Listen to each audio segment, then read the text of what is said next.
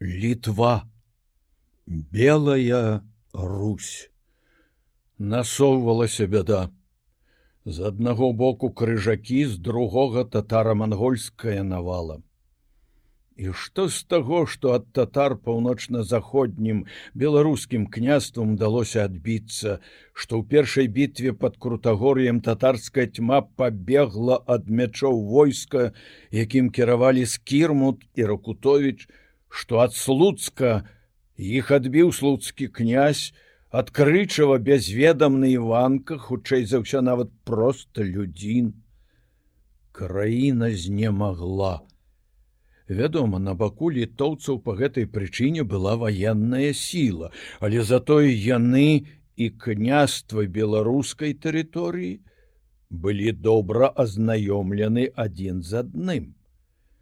Яднанне ўласна літоўскіх земляў жемайці і аўкштайці з землямі беларускімі стала гістарычнай неабходнасцю. Рускія княствы былі захоплены татарамі, якія былі страшнай пагрозай для княстваў паўночна-заходняй Русі. З поўначы і Беларусі і літве пагражаў лівонскі ордэн, з захаду пагражаў тэўтонскі страшная пагроза самаму існаванню як літоўцаў, так і славян.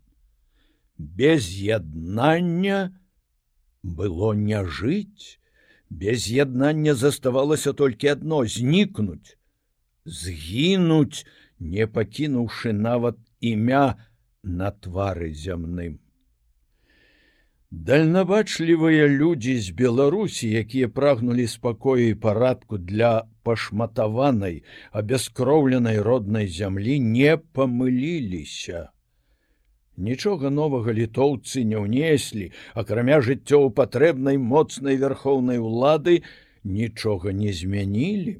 Наадварот, праводзілі палітыку цярпімасці, асядалі на новай зямлі, жаніліся на славянках, прымалі хрысціянства. Ужо ў другім трэцім пакаленні стара-беларуская мова стала іхняй мовай, мовай суда, мовай дзяржаўных актаў. Як пазней мова стараўкраінская стала на поўную моц гучаць у актах складзеных дзе-небудзь под Кіевам. Урэшце дзяліць адну ад другой у той час яшчэ цяжкавата. Была праўда розніца ў гаворках, але, мабыць, і не болей. Яны нешматлікія растварыліся, славянскім моры ва ўсіх мясцінах куды прыйшлі і толькі на землях адкуль яны былі родам уже майці і аўкштайці засталася і то пераважна сярод сялян мяшчан і часткі дробнай шляхты жывая літоўская мова Як болгары прынеслі з клавінам і антам толькі назву будучай дзяржавы, так і літоўцы. Літва, вялікае княства літоўскае. На стварэнне вялікага княства літоўскага беларусы нічога не страцілі, хутчэй прыдбалі. Прынамсі на першы час да уніі пазбавіліся жудаснага татарскага і крыжацкага рабства, якое сушыла самы дух.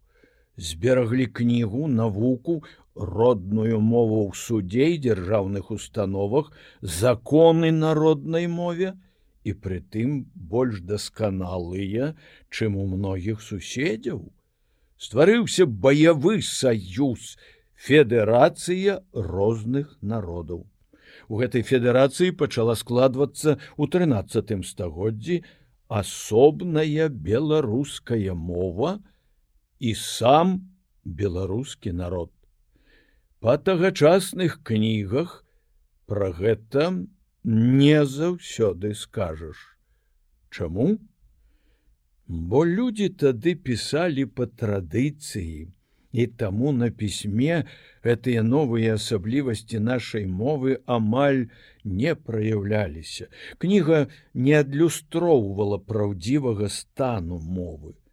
Мы ведаем, што людзі ўжо так гаварылі, толькі па іх досыць частых апісках ды па свяшчэнных кнігах беларускіх татар алькі табах, якія пісаліся па старабеларуску, але арабскім шрыфтам. Арабскі шрыфт мае літары дз і мяккае ці і іншае і таму дае магчымасць аднавіць фанетыку беларускай мовы ў тыя часы дае ключ да чытання кніг і рукапісаў пісаных кірыліцай. Увогуле ж усходнія славянскія народы пісалі тады амаль аднолькава, хаця гаварылі по-рознаму. Таму аддзяліць нашы тагачаснай літаратуры вельмі цяжка. Хто такія былі славутыя друкары браты мамонічы, што выдалі ў 16 стагоддзі столькі кніг і для Беларусі і для Украіны. Хто быў мелеці смотрыцкі, пісьменнік і грамадскі дзеяч 1572-1630, што нарадзіўся на падоллі, а вучыўся і працаваў у вільні. Это амаль немагчыма вызначыць. Это толькі зрэдку ў тыя гады і нават часам пазней можна было вызначыць, што вось друкара светнік францішак скарына і паэт семён полацкі беларусы, а скажам Іван вішанскі украінец, Пятро мсціславец беларус і хутчэй за ўсё або вучань або вучань вучня скарыны а Іван Фёдараў рускі.